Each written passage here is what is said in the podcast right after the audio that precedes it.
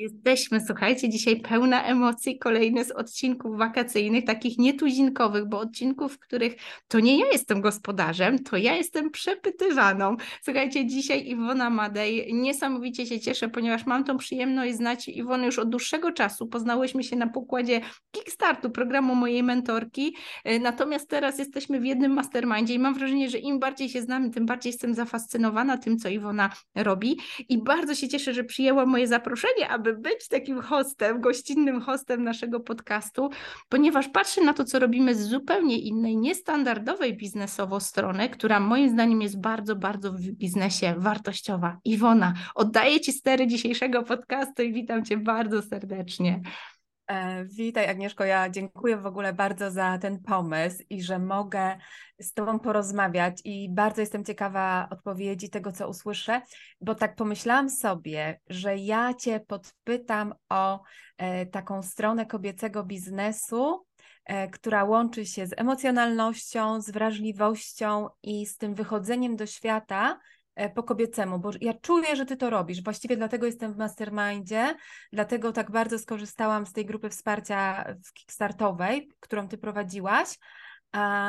I myślę sobie, że nawet e, nie wiem, czy tak bym skorzystała z Kickstartu, gdyby, gdyby nie Twoje wsparcie w nim.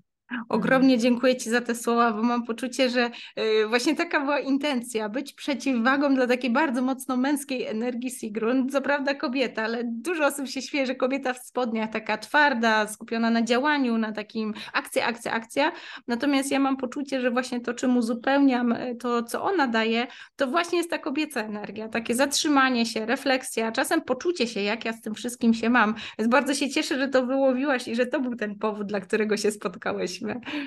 No, w ogóle ja wiesz, ten świat taki biznesowy, uczenia się o biznesie, to weszłam nie tak dawno i bo zawsze miałam takie opory, że biznes wiązał mi się z jakąś taką sztywnością, strukturą, z koniecznością działania po męsku i wiedziałam, że to nie jest E, że to nie jest moja ścieżka i szukałam czegoś, co by było po mojemu, albo e, tak pomyślałam sobie, to ja będę filtrować przez siebie to, co dostanę na przykład od Sigrun, działać tak, jak ja czuję, jednocześnie korzystając z tej wiedzy, która jest naprawdę ogromna i jest bardzo potrzebna.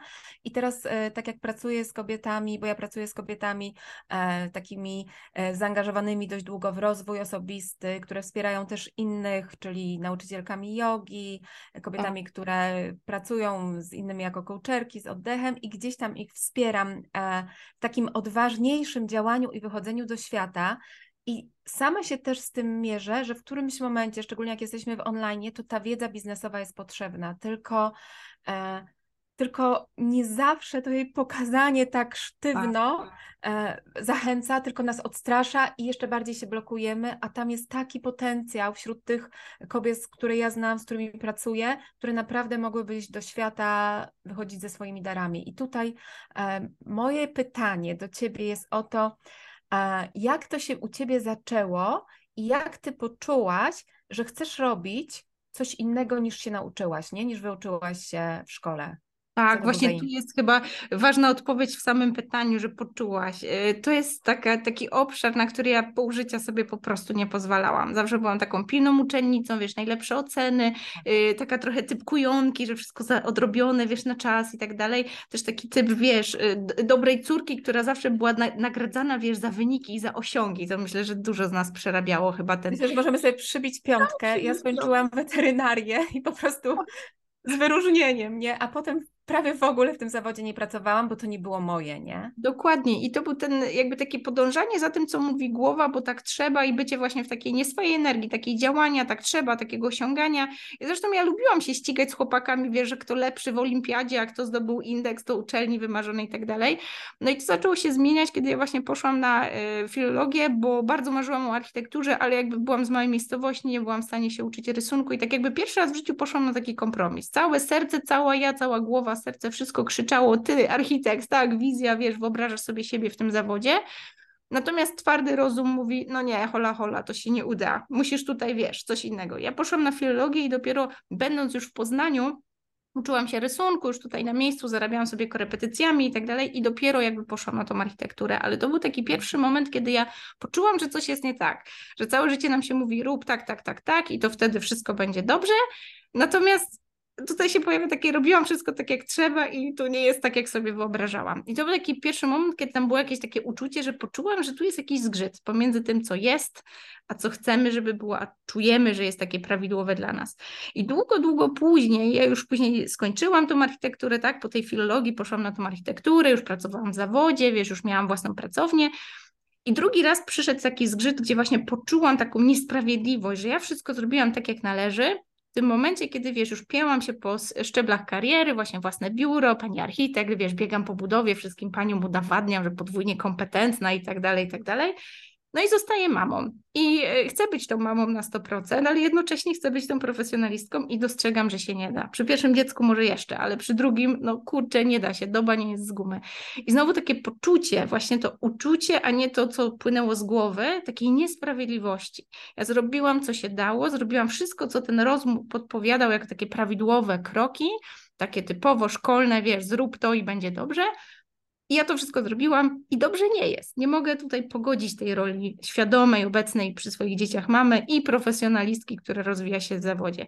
I to był pierwszy moment, kiedy ja sobie w życiu w ogóle pozwoliłam to poczuć, bo takich mhm. mniejszych i większych zgrzytów podejrzewam, że wszyscy czujemy na przestrzeni naszego życia, że gdzieś tam w środku jakiś głos tam mówi nie tędy, nie tędy, ale ten umysł i to środowisko i powiedzmy społeczeństwo mówi tak, to się powinno robić Wiesz co, ja bardzo e, w ogóle dziękuję, że o tym mówisz i dotykasz tego miejsca, bo e, jakby ja czuję, że moją też misją jest taka praca z kobietami, bo głównie z kobietami pracuję, żeby wzmacniać je w zaufaniu tej wewnętrznej mądrości, że coś w tobie w środku wie, co w tobie jest naprawdę, dla ciebie jest naprawdę dobre i mało z nas ma tą odwagę, żeby temu zaufać, nie? Bo to, co ty powiedziałaś, rozum, ale to są tak, tak naprawdę przekonania społeczne, rodzinne, które my przyswajamy, zrastają się z nami, im wierzymy. A to, co czuje, co wie, e, też mówi, tylko nie każdy Dokładnie. ma chyba odwagę e, zaufać temu. Więc Dokładnie. to sprawiło, że ty miałaś odwagę.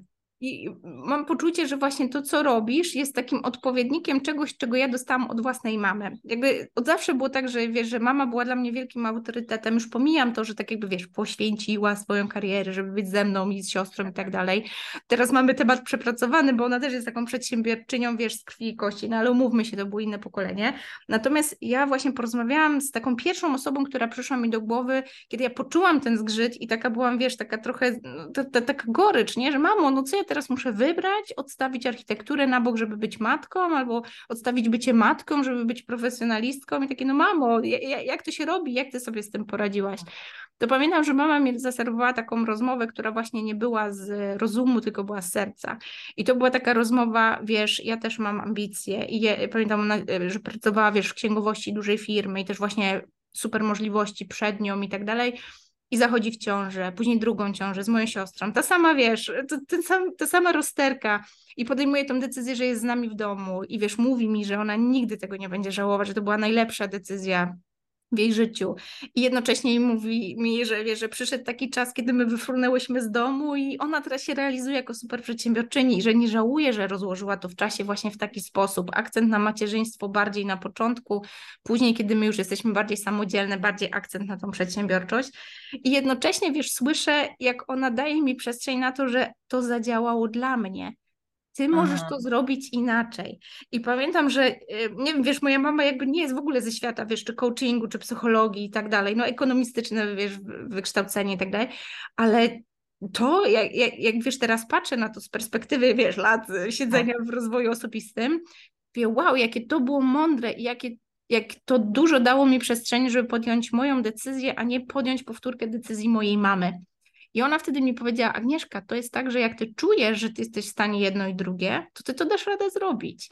I tam było tak dużo tego empowermentu, ale cała ta rozmowa właśnie była z poziomu nie głowy, czyli wiesz, tak to się robi, tak to zrobiłam, tak ekonomicznie by było i tak dalej, tylko z poziomu, a jak ty się czujesz? Co uważasz dla ciebie w tym momencie jest słuszne, co czujesz, żebyś wybrała, gdyby, wiesz, nic cię nie ograniczało. I mam wrażenie, że mama chyba mi zadała serię, wiesz, coachingowych pytań, nie mając pojęcia, że tak to się nazywa.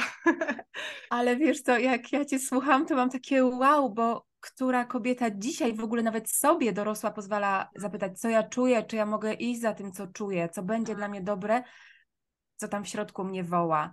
A, Nie? Tak, i wiesz, dla mnie to było bardzo uwalniające, bo ja bardzo długo mierzyłam siebie jako, wiesz, rolę mamy i mierzyłam jakby ten sukces w roli mamy, porównując się do mojej własnej mamy, tak? I ona zawsze była, jest i będzie dla mnie wielką idolką, wiesz, poświęciła karierę, żeby być ze mną i z siostrą.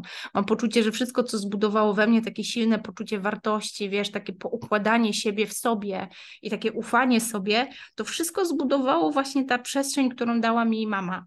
I ja miałam taką poprzeczkę, jakby mając świadomość, jak to było dla mnie cenne, jak to mi przysłużyło się, wiesz, na całe życie. Miałam takie, wiesz, to teraz ja chcę to dać moim dzieciom i wiecznie miałam poczucie, że nie jestem w stanie tego dać aż tak mhm. bardzo, jeżeli się nie poświęcę, wiesz, zawodowo. I tu wchodzą te wszystkie historie nasze kobiece o poświęcaniu się.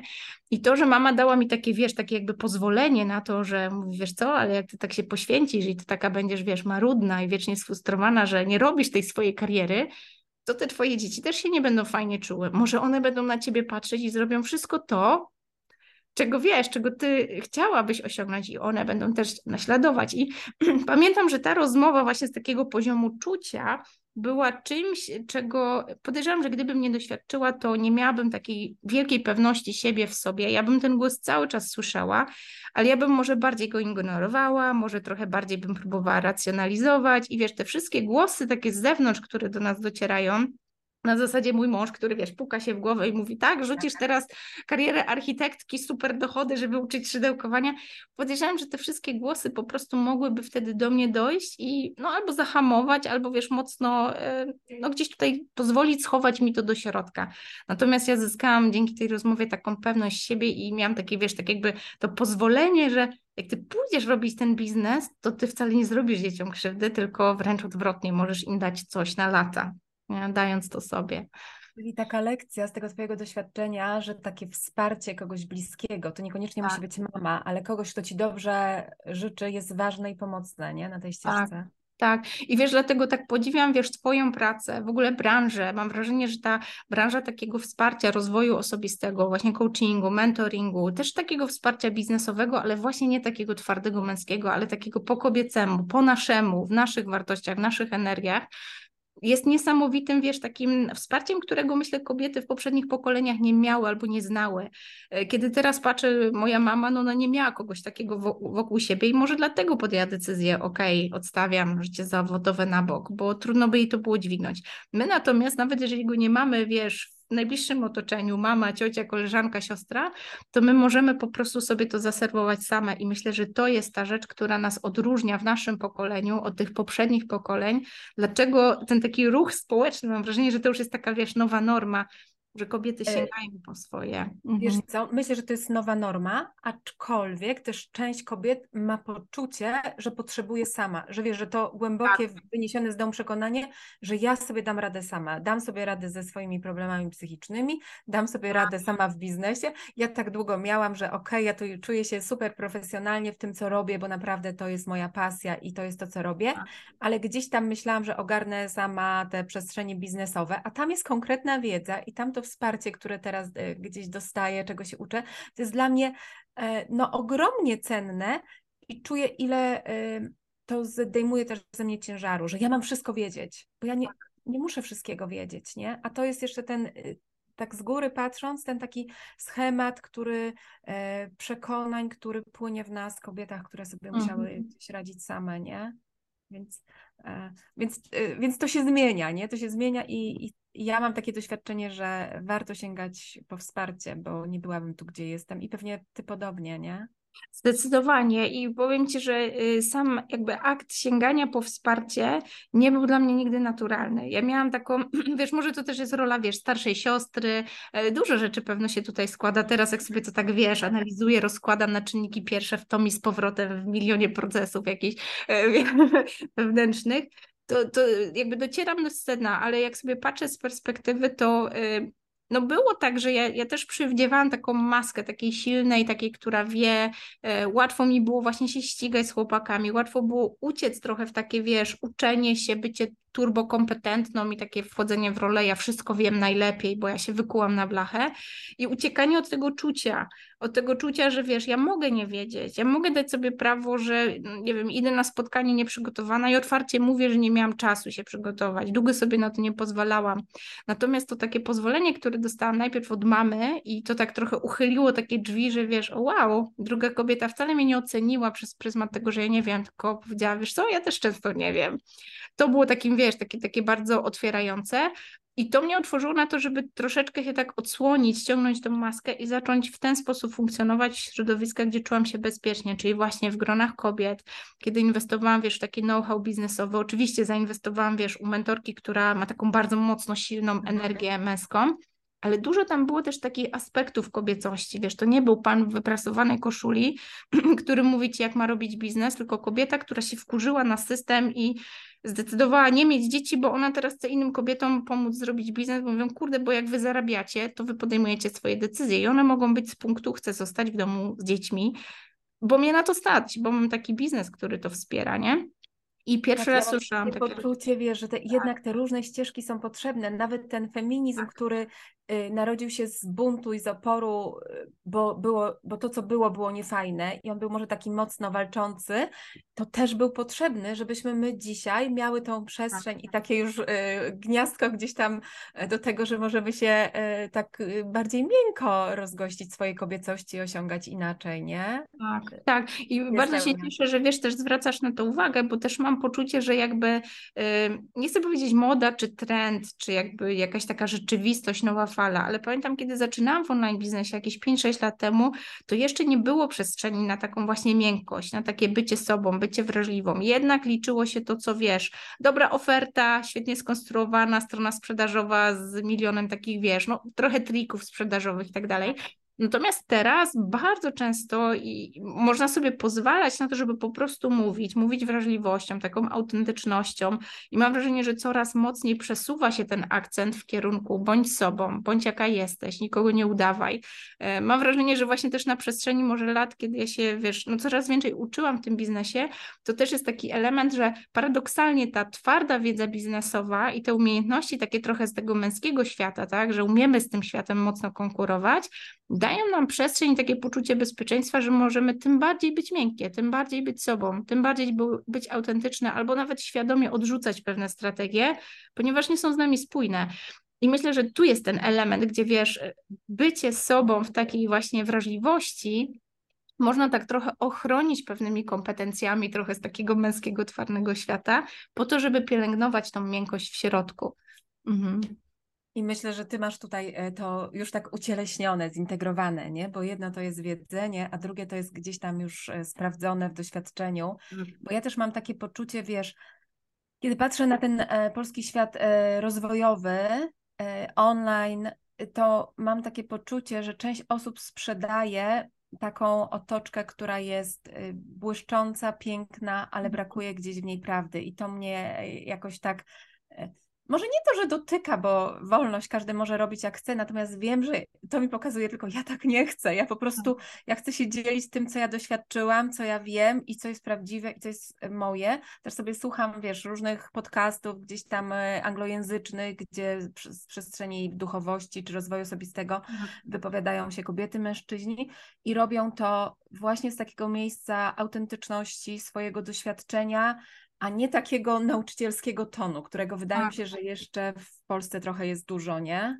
Tak, jest coś też w tym takim byciu uczniem, że mam poczucie, że kiedy pozwolimy sobie na to, żeby jakby mówić jak jest, że jeszcze to nie, nie jestem idealna i nie pozjadałam tak. wszystkich rozumów i jednocześnie zgadzamy się na tą rolę, że jakby trudno nas po, położyć na piedestale i powiedzieć tak, ona już ma wszystko rozpykane, to jest nam paradoksalnie łatwiej być właśnie w tym, w tym, że może coś się zmienić, że my możemy ewoluować, że my zostawiamy sobie tą przestrzeń, że ta decyzja nie jest ostateczna, tylko ja coś sprawdzam, testuję, próbuję. Ja często mam tak, że wiesz, no, podglądam tą swoją trójkę dzieci i trochę tak jest, że, że dzieci są tymi uczniami i paradoksalnie te dzieci czasami wiedzą lepiej, ale one nigdy nie wchodzą na piedestał nauczyciela. One ciągle są uczniem, który jest gotowy testować, sprawdzać, wiesz, kwestionować, zadawać głupie pytania. I kiedy je obserwuję, to mówię sobie, kurczę, tak patrzę z perspektywy swojego życia, ja musiałam wejść w takie buty, wiesz, ja wszystko wiem najlepiej, już jestem panią architekt z super firmą i taką, wiesz, super wymiataczką biznesową, żeby znaleźć sobie w, po, w, sobie pokorę i zacząć od początku i powiedzieć, kurczę, ja trochę poszłam nie w tym kierunku, jakby wiesz, spinam się na drabinę, tylko nie na tą ścianę ją oparłam.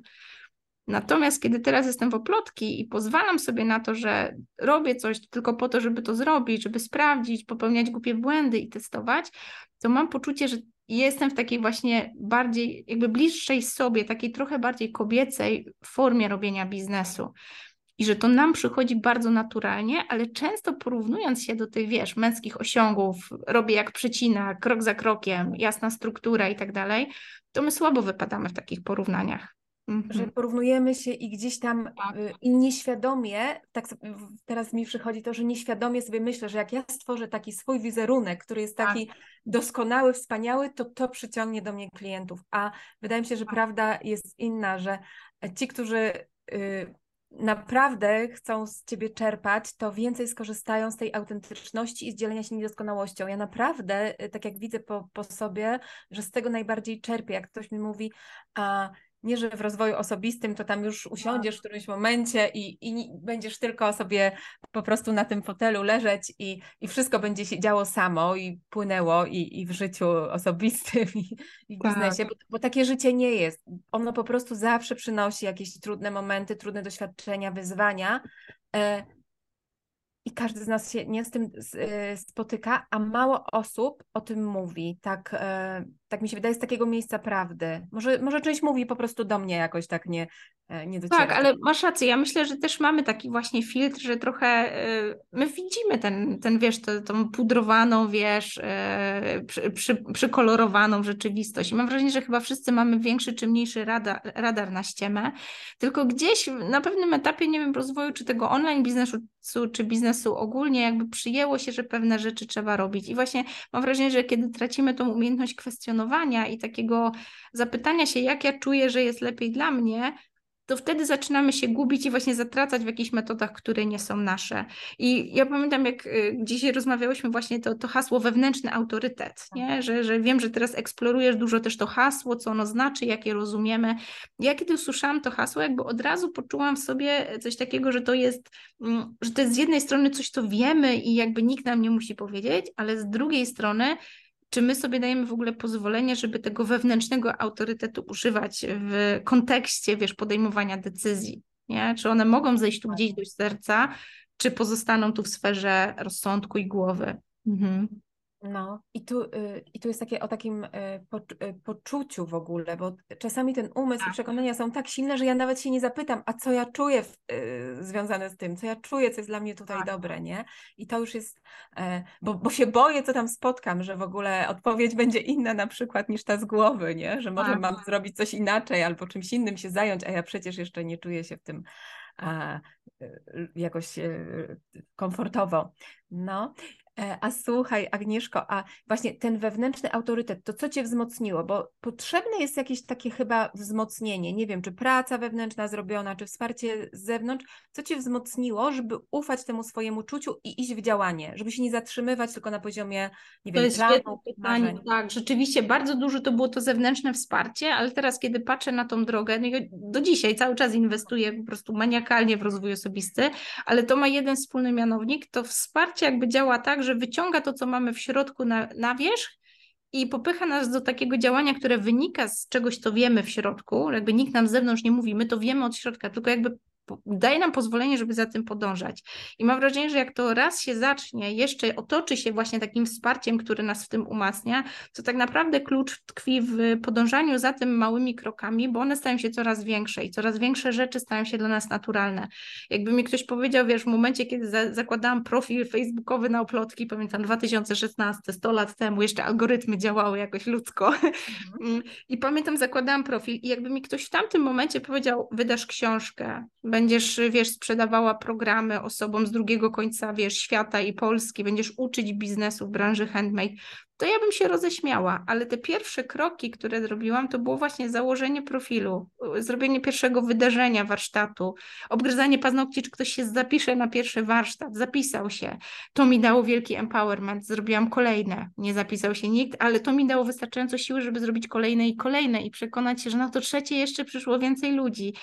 I każdy następny krok dawał takie poczucie pewności, że to, co sobie wymyśliłam, wiesz, jakby wynikało z tego, co, co tam w środku czuję, y, kiedy to wypuszczam do świata, to świat odpowiada jakąś zgodą, jakąś akceptacją, jakimś, wiesz, podjęciem wyzwania. I to dawało. Jak, no właśnie, a jak świat, wiesz, jak ci się na przykład nikt nie zapisał, albo zrobiłaś coś, co było klapą, to co wtedy? Bo pewnie zdarzały się takie sytuacje. Tak, i było ich pełno. I mam to poczucie, że mi bardzo dużo dało to, że jakby miałam takich role models, to się tak mówi fajnie po angielsku, czyli takie ikony, które mogłam obserwować. I zauważyłam, że na przestrzeni czasu ja zaczęłam je też coraz bardziej świadomie jakby wybierać te osoby, które y, obserwuję. W moim przypadku to znowu byli rodzice, wiesz, dwójka przedsiębiorców i jakby od dziecka miałam wbudowane, że raz na wozie, raz pod wozem. My mieliśmy momenty, kiedy wiesz, mamy taką historię, wiesz, domową, gdzie tam ktoś dla okupu mnie i siostrę chciał porwać, wiesz, także wiesz, to, to świat świadczy na jakim poziomie finansowym byliśmy w tej naszej Aha. małej wiosce, ale pamiętam też momenty, kiedy mama parówkę na cztery kroiła, bo nie było na cztery, nie? Tata zjadał mhm. tam trzy, mama nie jadła ani jednej, a tą pozostałą mama na cztery części kroiła i wiesz, i się dzieliłyśmy. I pamiętam takie momenty właśnie tej sinusoidy. I dla mnie ta sinusoida była tak naturalna od dzieciństwa, że mam wrażenie, że to wykształciło we mnie to, że jak się nie udało, to ty się nie poddajesz, tylko próbujesz jeszcze raz, jeszcze raz i jeszcze raz, bo to jest naturalna kolej rzeczy. I tu poczytuję, wiesz, jako, jakąś taką siłę, żeby próbować. Natomiast to był taki rozbieg, bo kiedy oplotki już zaczęły i pojawiały się coraz bardziej ambitne projekty i wiesz, też fakapy coraz, wiesz, co, ta sinusoida się coraz bardziej tak jakby rozjeżdża, nie? To jest coraz mniej płaskie, więc fakap jest naprawdę wpadką jakąś finansową. Sukces to w ogóle świętujemy wydanie książki, no nie każdy książkę wydaje. Natomiast ten mięsień, o właśnie patrzę na to jako mięsień, czyli ten mięsień przedsiębiorczości, czyli takiej pojemności na y, sukces i wielką radość, ale też na ten dół i smutek i zwątpienie, ten mięsień cały czas się jakby ćwiczył. Tak jak na siłowni, że wiesz, jesteś coraz silniejsza, dźwigasz coraz większe ciężary i dajesz radę, nie zrywasz tego mięśnia. Nie? No właśnie, wiesz, bo ja mam takie e, swoje doświadczenie, jeszcze jak tak trochę po omacku w tym online działałam, że często miałam pomysły, coś zaczynałam robić, ale szybko się zniechęcałam, bo na przykład nie miałam feedbacku, nikt mi się nie zapisał na warsztat, albo zapisały się tylko dwie, trzy osoby, a ja sobie tak, myślałam, tak. że będzie kilkanaście i się naprawdę zniechęcałam i gdzieś to dotykało jakiegoś mojego poczucia wartości. Dopiero w momencie, kiedy poczułam, że to naprawdę nie jest o mnie historia, tylko tam jest jeszcze ileś rzeczy, że to naprawdę trzeba tak. troszeczkę wiedzieć, jak dotrzeć do ludzi i, i że to jest jest y, i umiejętności, i proces i tak dalej, to zaczęłam po prostu bardziej odważnie działać, ale też się bawić po prostu, bawić się, okej, okay, to ja sobie próbuję, to, to naprawdę nie świadczy o mnie i to mi daje takie poczucie wolności, ale też czuję, y, że zaczyna się ten mięsień taki, żeby działać, jak ja czuję, że coś chcę tak. W moim sercu jest, to okay, to ja za tym idę. E, na przykład choćby to, że postanowiłam sobie w maju, że codziennie we wtorki robię live'a na mojej grupie i będę się stawiać, nawet tak jak dzisiaj musiałam przełożyć godzinę, to ja po prostu będę to robić, a nie, a może ten tydzień coś mi wypadło, bo mam nagrania, to nie, tylko takie ze sobą umowa, okay, skoro ja postanawiam, to ja to zrobię, nie? Myślę, że też mówisz o tym ważnym kawałku takiej integralności słowa, ale wobec siebie. Bo ja tak. długo miałam tak, że wiesz, jak coś komuś obiecałam, to czasami już wolałam nie obiecać, bo ja wiem, że jak obiecałam, to choćby się waliło, paliło, to ja muszę to dowieść. To jest święte. Moje słowo ważniejsze niż umowa na papierze. Natomiast bardzo często nie dowoziłam słowa danego sobie. Czyli wiesz, obiecałam sobie, że pójdę na basen, żeby się zrelaksować, bo siedzę cały czas przed komputerem i tam, o, no wiesz, najmniejszy pretekst, dobra, nie poszłam. Nikt nie widział, nie? Wiesz, to jest tak. umowa sama ze sobą. Natomiast to bardzo mi zabierało to poczucie wartości. To przestawałam sobie ufać. I teraz trochę, y, wiesz, że to było takie, takie świadome działanie, że y, albo nie zawieram umowy, której wiem, że jest ryzyko, że nie dotrzymam, albo jeżeli ją za, y, zawieram sama ze sobą, to to jest święte. Świętsze niż, wiesz, umowa z kimś. I to mi bardzo dobrze zrobiło na poczucie wartości, zwłaszcza w tej, wiesz, takiej, mm, takim czuciu, jak ma być. Czyli takim, wiesz, że łatwo jest sobie pomyśleć, no nie chcę sprzedawać nachalnie i wciskać komuś na siłę, i później przychodzi taki moment, kiedy ta sprzedaż jest dosyć słabiutka.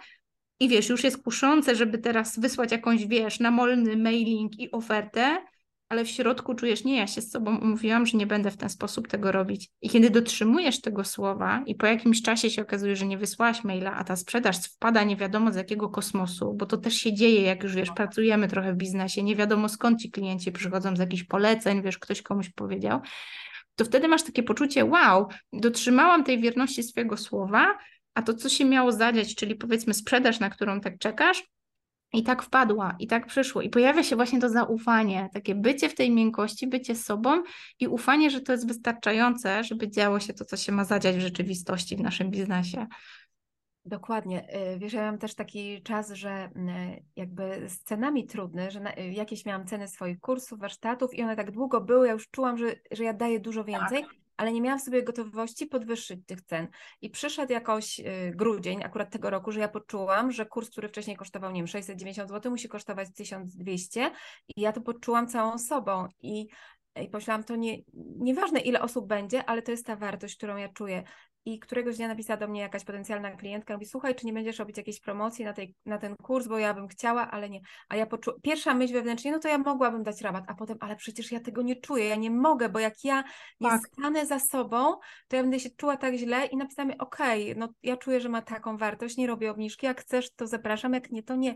I, i ona się zapisała po dosłownie Dokładnie. paru minutach, ale to jest ta, to, to właśnie to jest to, o czym mówimy, że jest ten głos umysłu, który się nauczył wierzyć, że na przykład ma zadowalać innych, że jest tutaj po to, żeby dawać więcej i, tak. i nieświadomie za tym szłam kiedyś, a teraz jak zaczynam słuchać siebie i tego wewnętrznego autorytetu, to on tam wie, co na ten moment jest w porządku, nie? Bo może, może czasem bym poczuła, że mogę dać zniżkę, ale, ale tak. wtedy wiedziałam, że nie. I yy, ja tak to widzę. I dla mnie każde takie stanięcie za sobą jest jakimś takim aktem to też tego, co powiedziałaś, takiego wzmocnienia poczucia własnej wartości, że, że robię coś w zgodzie z sobą i ci, którzy są gotowi z tego skorzystają, nie? Dokładnie. I wiesz, tu też pokazujesz, jak bardzo te narzędzia, które dostajemy, znowu tej takiej twardej wiedzy, y, możemy wykorzystywać, żeby jakby wzmacniać to, co czujemy, a nie to osłabiać. Ja to na przykład testuję na cenach, nie? że mamy te wszystkie, wiesz, y, psychologiczne, wiesz, chwyty, że tam 97, 777 zamiast, wiesz, 800. I ja mam poczucie, że nawet wiesz, jak ustalam czasami cenę i to jest takie, że kurczę, no jak byk czuję, że to musi być koło tysiaka i są te wszystkie zabiegi, no to mówię tysiąc jak byk, a jak powiem 997, to tak to mnie wzmacnia w tym, że wiesz, ja nie poczuję, że to jest za dużo, tylko zastosuję tą, wiesz, psychologiczną tak. sztuczkę z cyferkami, która sprawi, że tam postrzegalna wartość jest mniejsza. No ale faktycznie to umówmy się 3 zeta do tysiaka, nie? Więc jakby też wykorzystywanie tej wiedzy po to, żeby najpierw poczuć, z czym czym jest mi dobrze i tak. jak fajnie, a później jakie strategie mogę wykorzystać, żeby to zakomunikować światu, żeby ten mój umysł uspokoić i tak trochę, wiesz, uzasadnić, co czuję. Co też jest bardzo adekwatne, ja jestem maniaczką, wiesz, czytania, wiesz, o tym, jak psychologia sprzedaży działa, że jakby Aha jak wiesz, jak to ewoluuje, no bo z tego tak. etapu, gdzie wciskamy ludziom na siłę, do etapu, gdzie przyciągamy właściwych klientów, to myślę, że teraz jesteśmy w tej dobrej epoce. Natomiast tak. jaki jest następny krok? I zauważam, że bardzo dużo badań skupia się na tym, że kupujemy tak naprawdę emocjami, że to jest tak, że najpierw poczujemy, że chcemy, a później sobie racjonalizujemy umysłem, dlaczego chcemy kupić. I kiedy tak zaczęłam myśleć o swoich sprzedażach, wiesz, to dam sobie pełne prawo, żeby też tak e, tłumaczyć mój biznes e, szanownym panom, tam czasami na jakichś networkingach o co chodzi. Ja mówię, wyobraź sobie kobietę, która jest umęczona i potrzebuje chwili dla siebie. Ile jest dla niej to warte? Jak ty to wyrazisz w cenie? No to, to ta cena jest bardzo umowna. Natomiast pytanie, czy ją w takim momencie stać na to, czy nie, to to jest ten sposób, w jaki ja wyznaczam cenę. Czy ja wiem, że te 500-600 zł jesteśmy w stanie wyskoczyć z portfela, nawet jak jesteśmy na macierzyńskim. Natomiast 6, 7, 8 tysięcy, no to nie jest inwestycja w, wiesz, kurs szydełkowania, który mam zrobić, żeby posiedzieć na kanapie ze sobą. Nie? I kiedy coś takiego tłumaczę panom, mówię, jak ja podejmuję decyzję, ile to ma kosztować i podejmuję ją tak trochę z serca i wiem, że ta kobieta podejmie ją na emocjach na zasadzie, ok, mam tyle, chcę tego, chcę tego relaksu, kupuję ten kurs, to moja sprzedażowa strona jest tak naprawdę uzupełnieniem informacji, które ona potrzebuje, żeby wytłumaczyć mężowi, dlaczego ona kupiła ten kurs. Że to jest ok, dostanę tam 15 modułów, 30 modułów, nauczę się robić dywaniki, więc zamiast kupić za 500, to ja go zrobię sama i to jeszcze z przyjemnością, jeszcze mam proces mentalny i tak dalej. Więc te wszystkie argumenty później na stronie sprzedażowej, one tak naprawdę nikogo nie mają przekonać do zakupu. One mają pomóc przekonać naszą głowę, że to, co my poczuliśmy, że to jest dla nas, to jest właściwa decyzja. I mam poczucie, że tym możemy się przepięknie bawić jako kobiety, bo my mamy w sobie dużo takiej naturalnej empatii i łatwo nam jest zrozumieć, jak czuje się nasz klient czy klientka, pomóc poczuć, że ten zakup jest ok, a później uzupełnić to taką, wiesz, twardą wiedzą, żeby po prostu dać narzędzia do, wiesz, rozmowy z umysłem. Wiesz, w ogóle fajne, e, fajnego tematu dotknęłaś, wyceny usług, bo mm, też jestem w trakcie analizowania ankiet, które dostałam od dziewczyn właśnie, które pracują z ludźmi, albo masują, albo są nauczycielkami jogi, to o czym mówiłam, tak. albo jakimiś coacherkami i jedna z nich napisała tak, mam E, trudność w wyznaczaniu cen. Nie czuję, że e, czuję, że te ceny, które mam, są za niskie, ale nie pozwalam sobie wewnętrznie na podniesienie tych cen. E, zaprzyjaźniam się z klientkami, więc wtedy jeszcze trudniej mi podnieść ceny. Tak. Kolejna rzecz, czuję, że to, co daję, to ma naprawdę ogromną wartość, ale nie potrafię reklamować swoich usług, o nich mówić i wychodzić do świata. I ja sobie myślę, że to jest to wszystko, z czym kobiety, które naprawdę są, y, jakby wydały na swój rozwój ogromne pieniądze, na zdobywanie kompetencji, które nie tylko pracują technicznie, jakąś techniką, ale pracują gdzieś głęboko z tak. obecnością i to ma ogromną wartość, a nie potrafią poczuć wartości i mają takie przekonanie, że w ogóle mówienie o tym to jest e, tak bardzo jakby takie nie w porządku, niefajne. I nie ukrywam, że to też jest mój temat, czy był jeszcze przed, yy, przed chwilą bardzo mocno, a teraz yy, dużo mi się dzięki tym biznesowym kursom też gdzieś tam na poziomie mindsetu chyba zmieniło i zmienia, że ja teraz czuję, ok, ja po prostu jestem tutaj, mam swoje dary do dania, one kosztują czasem tyle, czasem tyle, jak chcesz to je bierz, więc mówienie o tym nie jest wciskaniem komuś na siłę, co większość z nas chyba ma takie przekonanie jeszcze gdzieś, przynajmniej z tych ankiet tak wynika, tylko po prostu jest powiedzeniem głośno, halo, ja tu jestem, jak Dokładnie. chcesz to do mnie przychodź, nie? Bo, bo tu coś możesz dostać. To nie jest, Dokładnie. to zawsze jest obopólna jakby... Mm, obopólna korzyść, bo tak sobie y, analizowałam wszystkie swoje kursy, y, na niektóre ja naprawdę dużo pieniędzy wydam i to nie było nigdy, że ja coś kupowałam, czego tak naprawdę głęboko nie chcę albo nie czułam, że ma wartość. To ja chciałam. Dokładnie. I to, to jest fajny ten kawałek właśnie o dostrzeganiu wartości, bo dopóki my same nie dostrzeżemy wartości w tym, co robimy, to ciężko nam jest tak jakby komuś wytłumaczyć tą wartość. I ja zauważyłam, że y, u mnie było duże błogosławieństwo to, że właśnie mąż miał takie trochę podejście, ty, pani inżynier, ale co ty to wymyśliłaś i tak dalej. I za każdym y, razem, kiedy wiesz, zderzałam jakąś ofertę, zanim ją zderzyłam ze światem, to ja ją opowiadałam Jackowi i tam on zadawał takie bardzo, wiesz, twarde pytania, no ale jak ty to sprzedasz, a jak ty na tym zarobisz? No i dobra, robisz robisz warsztaty i co trzy dni cię nie będzie w domu, zrobisz dwa warsztaty, pokaż tego Excela. No, nie masz Excela, nie policzyłaś, ile to wyjdzie. I pamiętam, że takie właśnie, że to ja musiałam obronić trochę ten biznes, to, że ja czuję, że tam jest wartość, wiesz, no bo jak facetowi wytłumaczysz nienamacalną, niemonetarną wartość kręgu kobiet i takiego, wiesz, wzmocnienia empowermentu, no na, na poziomie jakiejś, wiesz, wartości powiesz, o, przychodzi księgowa, a tutaj dziewczyna chce zakładać działalność, wiesz, ma darmową poradę, to może tak mu mhm. wytłumaczysz, no ale jak mu wytłumaczysz, że wiesz, ona jej powiedziała takie trzy słowa, których ona, y, ta druga od mamy nigdy nie usłyszała i dostała wewnętrzne pozwolenie pozwolenie, wiesz, na to, żeby podążać za, za, za swoją misją, nie? Wytłumacz to facetowi, no w życiu. Ale zauważyłam, że kiedy ja potrzebowałam mówić jego językiem, potrzebowałam właśnie tak trochę ubrać te, te rzeczy, które czuję, wiesz, od środka, że to ma wartość, ale ubrać to w tą wartość do zakomunikowania światu na zewnątrz, to to było przepiękne ćwiczenie, żeby bronić tej naszej wartości. I zauważyłam, że to trochę tak jest też w naszym społeczeństwie, że zobacz, no nauczycielki, lekarki, to są takie, wiesz, zawody powołania, tak, bycia z człowiekiem, dawania z siebie bardzo dużo. Często nauczyciele, no Boże, panie przedszkolanki zarabiają takie śmieszne pieniądze, ale tam z drugiej strony też nie ma czegoś takiego, że przychodzą po podwyżkę kolejną i kolejną. No może wie, zaczynają się jakieś strajki, coś się dzieje, ale dopóki jakby ta jedna strona nie poczuje, że zasługuje, to ona nie pójdzie po, po to, co się należy i ta, ta strona, która mogłaby to dać, sama z siebie też nie da i napędzamy jakąś taką machinę, wiesz, dewaluowania czegoś, co jest wartościowe. Natomiast my w, w biznesie mamy szansę nadać temu wartość. I dla mnie właśnie też w tej branży rękodzieła to takie uczenie, że my nie możemy być tanio, że rękodzieło to jest produkt luksusowy, my tam wkładamy serce, czas, coś, co do nas nie wraca. I takie non-stop, wiesz, młotkowanie tego samego tematu, że to nie jest dla kogoś, że wiesz, ktoś nie idzie kupić dywanu rękodzielniczego, bo potrzebuje dywanu, Ktoś idzie go Tak. kupić, bo poczuł, że chce mieć coś wyjątkowego. To jest produkt luksusowy. Więc myślę, że to takie właśnie stawianie naszej wartości, czegoś, co my mamy w sobie, jako czegoś luksusowego, co kupuje się, bo chcesz, a nie bo potrzebujesz, pozwala nam na to, żeby się cenić. To nie jest tak, że wiesz, jak my kogoś tego pozbawimy, to wiesz, ktoś będzie chodził głodny. W pewnym sensie tak, bo mentalnie można być głodnym, ale jakby rozumiesz o co mi chodzi, że to są takie rzeczy, że jeżeli my im nadamy wartość, to ten świat zewnętrzny będzie miał szansę dać temu wartość, ale to wszystko zaczyna się od nas.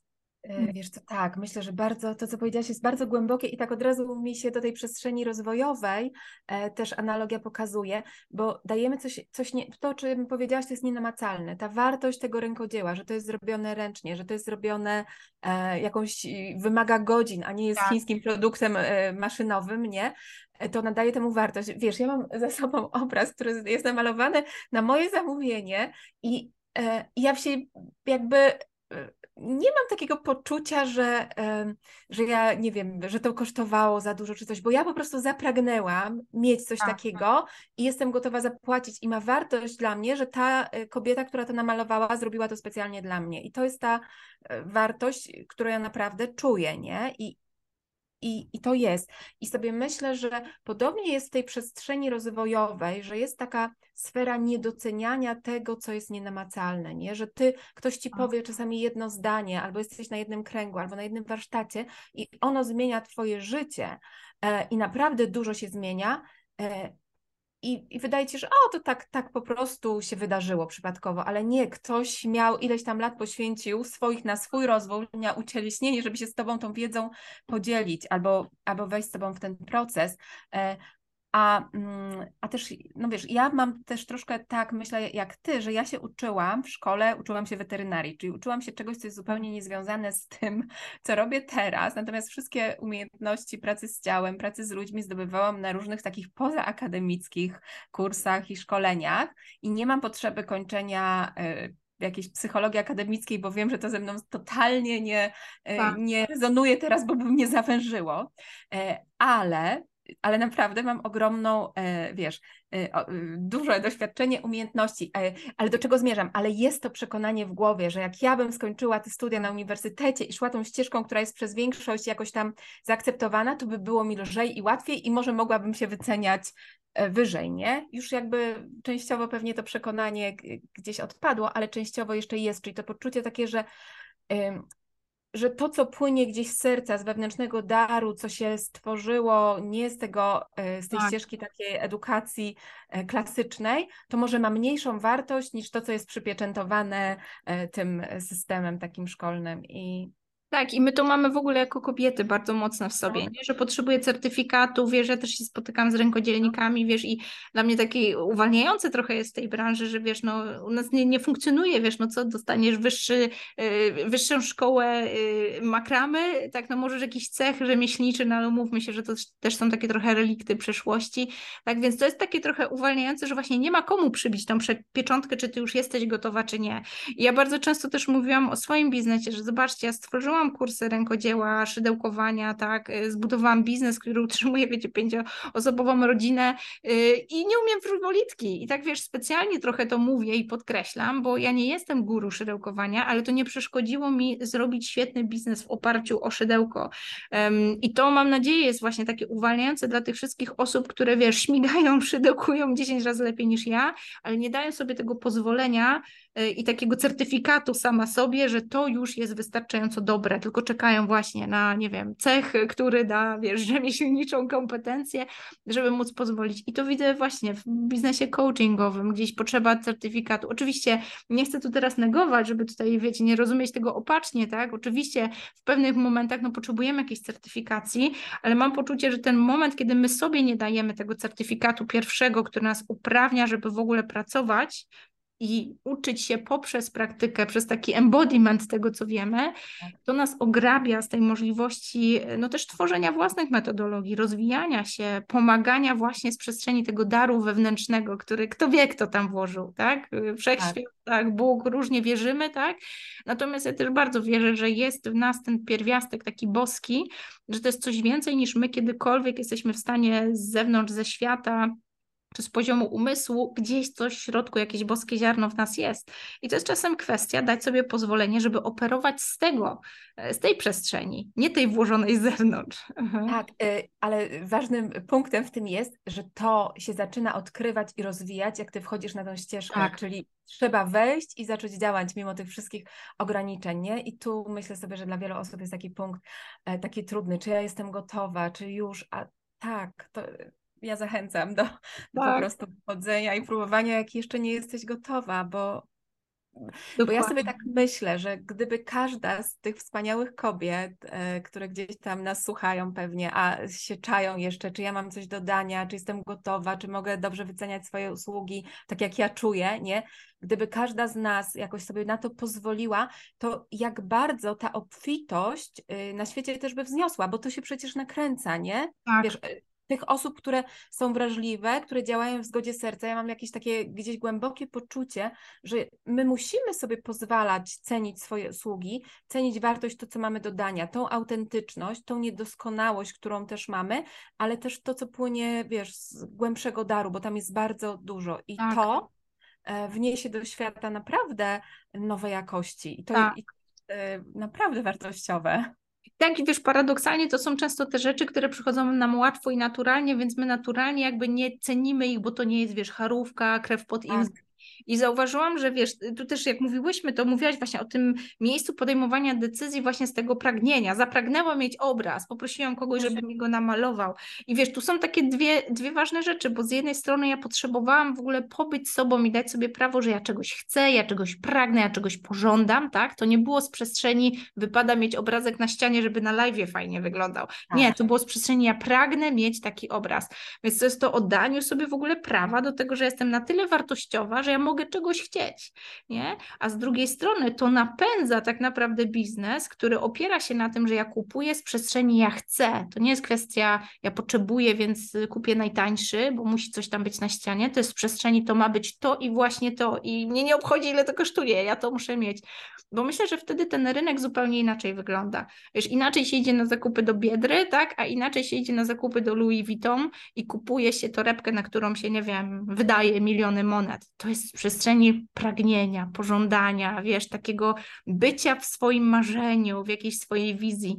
Jedna i druga strona korzysta, bo biznesy, które bazują na właśnie markach premium, markach luksusowych, ja tak postrzegam też rękodzieło, tak to są biznesy, które myślą o kliencie, jak ja jeszcze lepiej mogę go dopieścić, jak ja mu mogę lepiej służyć, a z drugiej strony jest klient, który pozwala sobie, żeby poczuć coś, żeby pragnąć, żeby czekać, wiesz, nie móc się doczekać.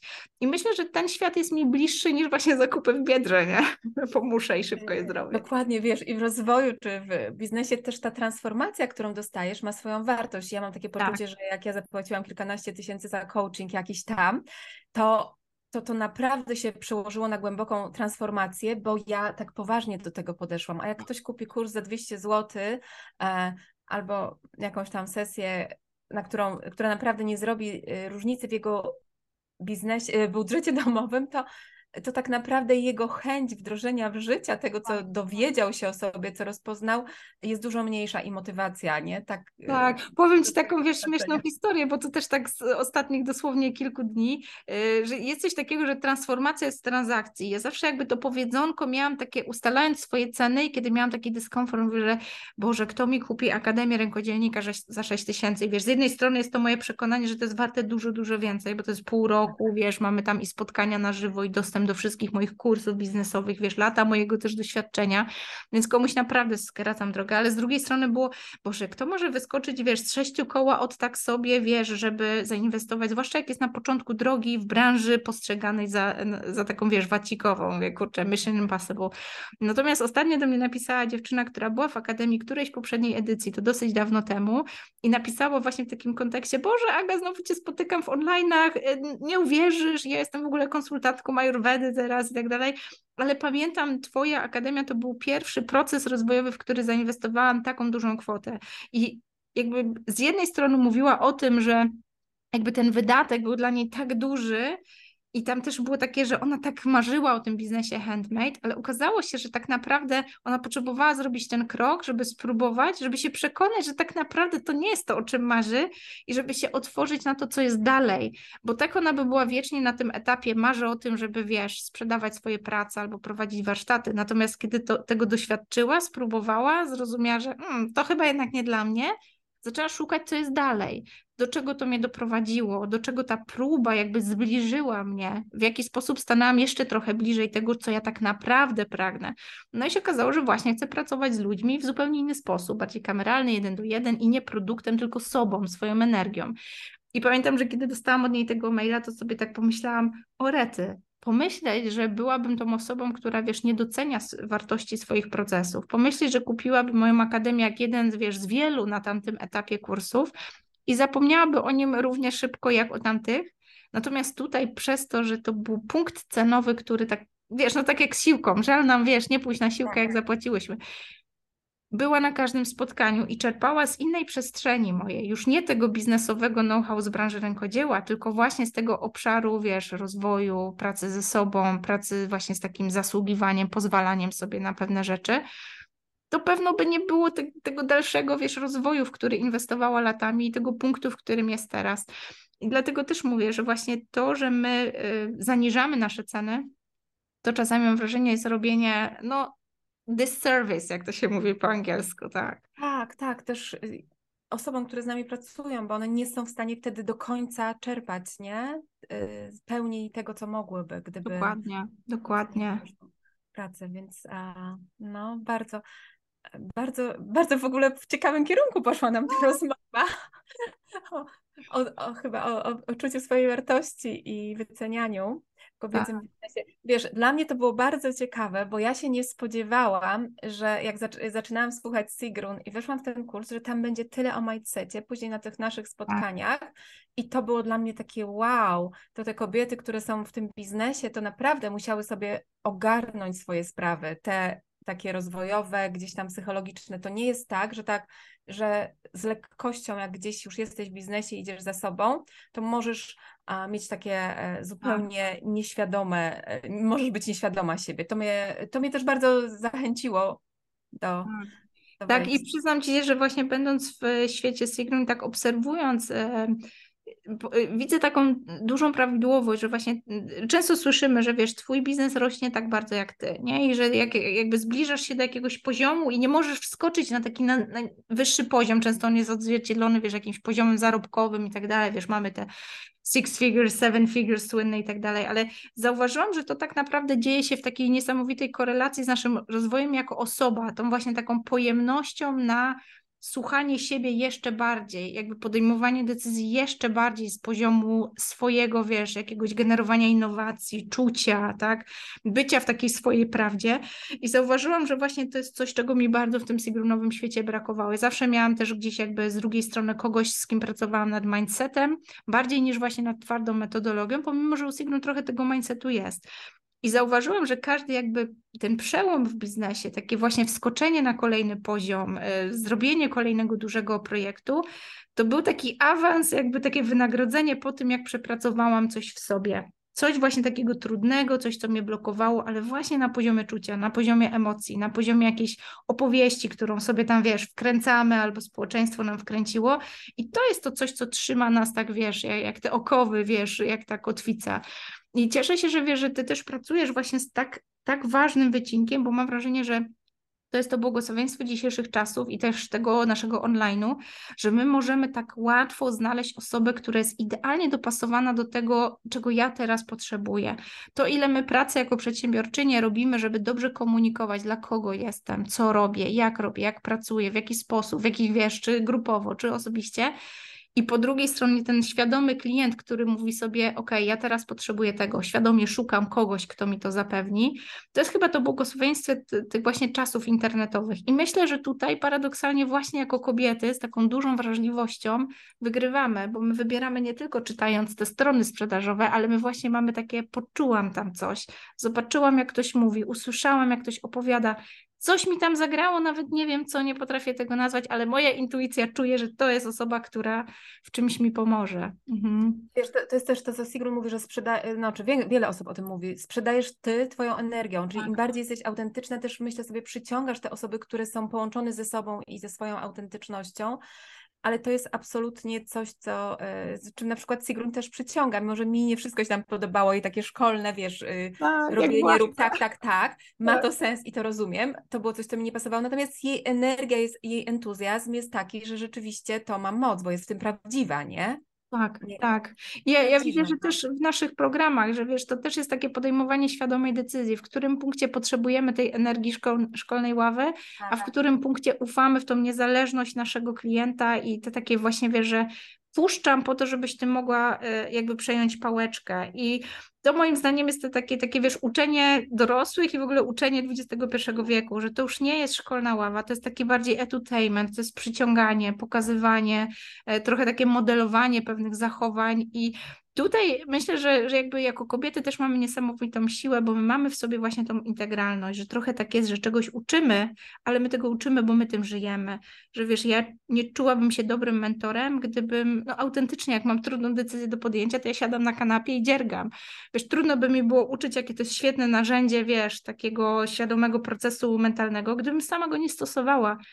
I myślę, że to są te fajne czasy, gdzie właśnie my jako kobiety możemy w tej integralności, takim po prostu byciem sobą, uczyć dużo więcej niż robieniem czegoś konkretnego. Mhm. E, tak, i ja też mam e, to, o czym ty powiedziałaś, ta integralność, i ja czuję też taką misję, E, prowadzenia osób, z którymi pracuję, do tego, żeby one zaufały swojemu wewnętrznemu autorytetowi, że to nigdy nie da odpowiedzieć, zrób to, czy to, czy tam proponuję jakieś rzeczy, ale ostatecznie to ty decydujesz. I to jest też trudniejsze według mnie tak. Wiesz, w prowadzeniu biznesu czy w pracy z ludźmi, bo ty pod, musisz im, da, im, dać wolność i ty, i ty wiesz, że czasami nawet mówisz to, nie zapisuj się na ten warsztat, jesteś w tym miejscu procesu, że to nie, to by było dla ciebie za dużo, jak on ci powie, wiesz, no zastanawiam się, czy to, wiesz, że na kolejny ze mną. Ja, ja, ja naprawdę czasami z, z pozycji głowy i umysłu po, mów, do, daję rady osobom, mm. które daję rady, jak mnie pytają, mówię, nie, wiesz co, w tym miejscu to wystarczy ci na przykład tylko ta praca indywidualna i się na tym skup, nie? Bo tak. to by było za dużo. I, ale to jest ta, ta prawda, która myślę, że, że na głębszym poziomie owocuje, bo jesteśmy w takim momencie przejścia, nie? że z tego patriarchalnego systemu, że jest autorytet, który wie lepiej, powie ci zrób tak, zrób tak, tak. E, i będziesz miał sukces, a to się nie sprawdza, bo sama o tym powiedziałaś, że tak ta frustracja się tam u ciebie zaczęła, tak. e, e, że tą ścieżką, którą inni pokazali, poszłaś i, i nie było radości życia, nie? Takiego spełnienia. Tak. Ja miałam podobnie, że, że to, co robiłam po studiach, to nie dało mi spełnienia i zaczęłam szukać, co ja bym mogła i wtedy się pojawiła yoga. Mm, jako takie już ze środka e, tak. poczucie, że, że to mi daje radość, to ja się tym zacznę dzielić. E, ale właśnie czuję, że jesteśmy w tym miejscu, że musi się zmienić to przekonanie, że każda, każda z nas, każda istota potrzebuje poczuć swoją wolność, odpowiedzialność za siebie, za swoje życie i potrzebujemy właśnie tych kobiecych, może takich sposobów, kobiecych liderek, które będą to w cieleśniony sposób przekazywały. Tak. Ja się cieszę, że o tym mówisz, bo myślę, że y, paradoksalnie łatwiej jest podążyć za tym, co gra nam w środku, kiedy nie mamy na koncie właśnie tych spektakularnych sukcesów. Ja mam wrażenie, że tak właśnie w tym tak. momencie, gdy tak wiesz, szłam tym, wiesz, takim owczym pędem, wiesz, za tym takim schematem, który ci społeczeństwo, wszyscy na zewnątrz wkładają. I tak wiesz, jak jesteś na początku tej drogi, to jeszcze łatwo powiedzieć, a dobra, no nie wyszło mi, nie jestem tam, wiesz, nie mam tego jeszcze zawodu, to szukam czegoś, co jest zgodne ze mną, nie? Natomiast kiedy już, wiesz, masz sukcesy, świetnie zarabiasz, masz super firmę, to pamiętam ten moment takiego, no jak teraz to wszystko przekreślasz, żeby, wiesz, i to brzmi kuriozalnie też, nie? Rzucasz architekturę, żeby teraz robić warsztaty rękodzieła, Natomiast mam poczucie, że y, to jest takie bardzo y, takie wzmacniające dla osób, które właśnie są w takim punkcie, gdzie jeszcze nie ma Bóg wie jakich, wiesz, tych zewnętrznych klasków i głasków, bo one mogą po prostu w tej ciszy, w tym spokoju wsłuchać się w ten swój wewnętrzny głos i nie ma tego dodatkowego obciążenia, które wynika, ja teraz muszę udowodnić, że mi się uda, no bo ja miałam taki sukces i teraz podążyłam za swoim głosem i mi nie wyszło, to znaczy, że tamci mieli rację, nie? Że tam zawsze się pojawiają takie dodatkowe, wiesz, dodatkowe jakby poprzeczki do przeskoczenia. I teraz, kiedy tak patrzę z perspektywy, to to sobie zadaję pytanie, czy ja bym umiała, wiesz, teraz z tą całą, wiesz, wiedzą i gotowością podjąć tą samą decyzję? Co się tam mhm. zadziało, że ja tak zaufałam temu wewnętrznemu głosowi, temu autorytetowi wewnętrznemu, że miałam jakby tyle jaj, żeby podjąć takie, wiesz, takie aktywne działania. Nie wiem, czy bym była gotowa. E, wiedząc to, co wiem, mając takie doświadczenie, jakie mam, więc dziękuję tylko sobie, że właśnie się odważyłam, że spróbowałam. I z tego odważenia się wynikała kolejna energia, i to już później tak siłą rozpędu idzie się do przodu, do góry. Najtrudniejszy jest ten moment takiego przeskoku z tego świata, wiesz, tak być powinno, więc tak robię, do świata nie ma łatwych rozwiązań. Ja muszę je znaleźć sobie, bo to jest ta trudna ścieżka. Tak. No trudna, ale przynosi też tą wewnętrzną satysfakcję, tak. jaką żadna chyba taka zewnętrzna ścieżka nie tak, przynosi. Tak. Nie? Wiesz, nie ma na kogo ponarzekać, że nam tak urządził życie, bo to my jesteśmy za nie odpowiedzialne, ale z drugiej strony za każdy sukces możemy dziękować tylko sobie i wiesz, sobie przyklepywać tą piątkę. Dokładnie. I gdzieś mieć taką satysfakcję, że ja robiłam to w zgodzie z sobą, ze swoim wnętrzem. E, tak to przynosi spełnienie nie? na wielu poziomach. No. Tak. Wiesz, ja się cieszę, że też mówiłyśmy dużo o tych y, sukcesach i definicjach sukcesu. Ja pamiętam tą moją książkę też było tak, że tytuł było plotki, a później szybko dodałam ten sukces handmade. Ja go też tak rozumiałam nie tylko to, że mówimy tu o branży handmade'owej, która mi umożliwiła tak jakby znaleźć te, te wiesz, te, te KPI sukcesu takie w sobie, tak, zdefiniować sobie, co to dla mnie znaczy, ale że to było handmade, że to było właśnie takie zrobione własnymi rękami, że właśnie nikt za nas tego nie zrobi. I to jest ta trudność moim zdaniem. To takie ta zmiana myślenia z tego niech mi ktoś da gotowe, wiesz, y, wzór, sześć kroków, metodologię i ściągę i w PDF-ie najlepiej 10 najlepszych sposobów. I zmiana tego na myślenie, tego nikt mi z zewnątrz nie jest w stanie nawet dać, pomimo najlepszych intencji, no nie jest w stanie. I kiedy my to tak złapiemy, nie? Że, że wiesz, że nawet ten, y, ten fuck up, on tak naprawdę jest sukcesem, bo on jest lekcją, która nas przybliża do tego, co ja chcę, że nie ma tutaj złej decyzji, nie ma opcji, żeby popełnić błąd. Coś, co zewnętrzny świat nawet może widzieć jako, wiesz, wpadkę roku, my będziemy poczytywać jako sukces, bo to nas choćby o jeden krok przybliżyło do tego, co ma być, co czuję, co chcę.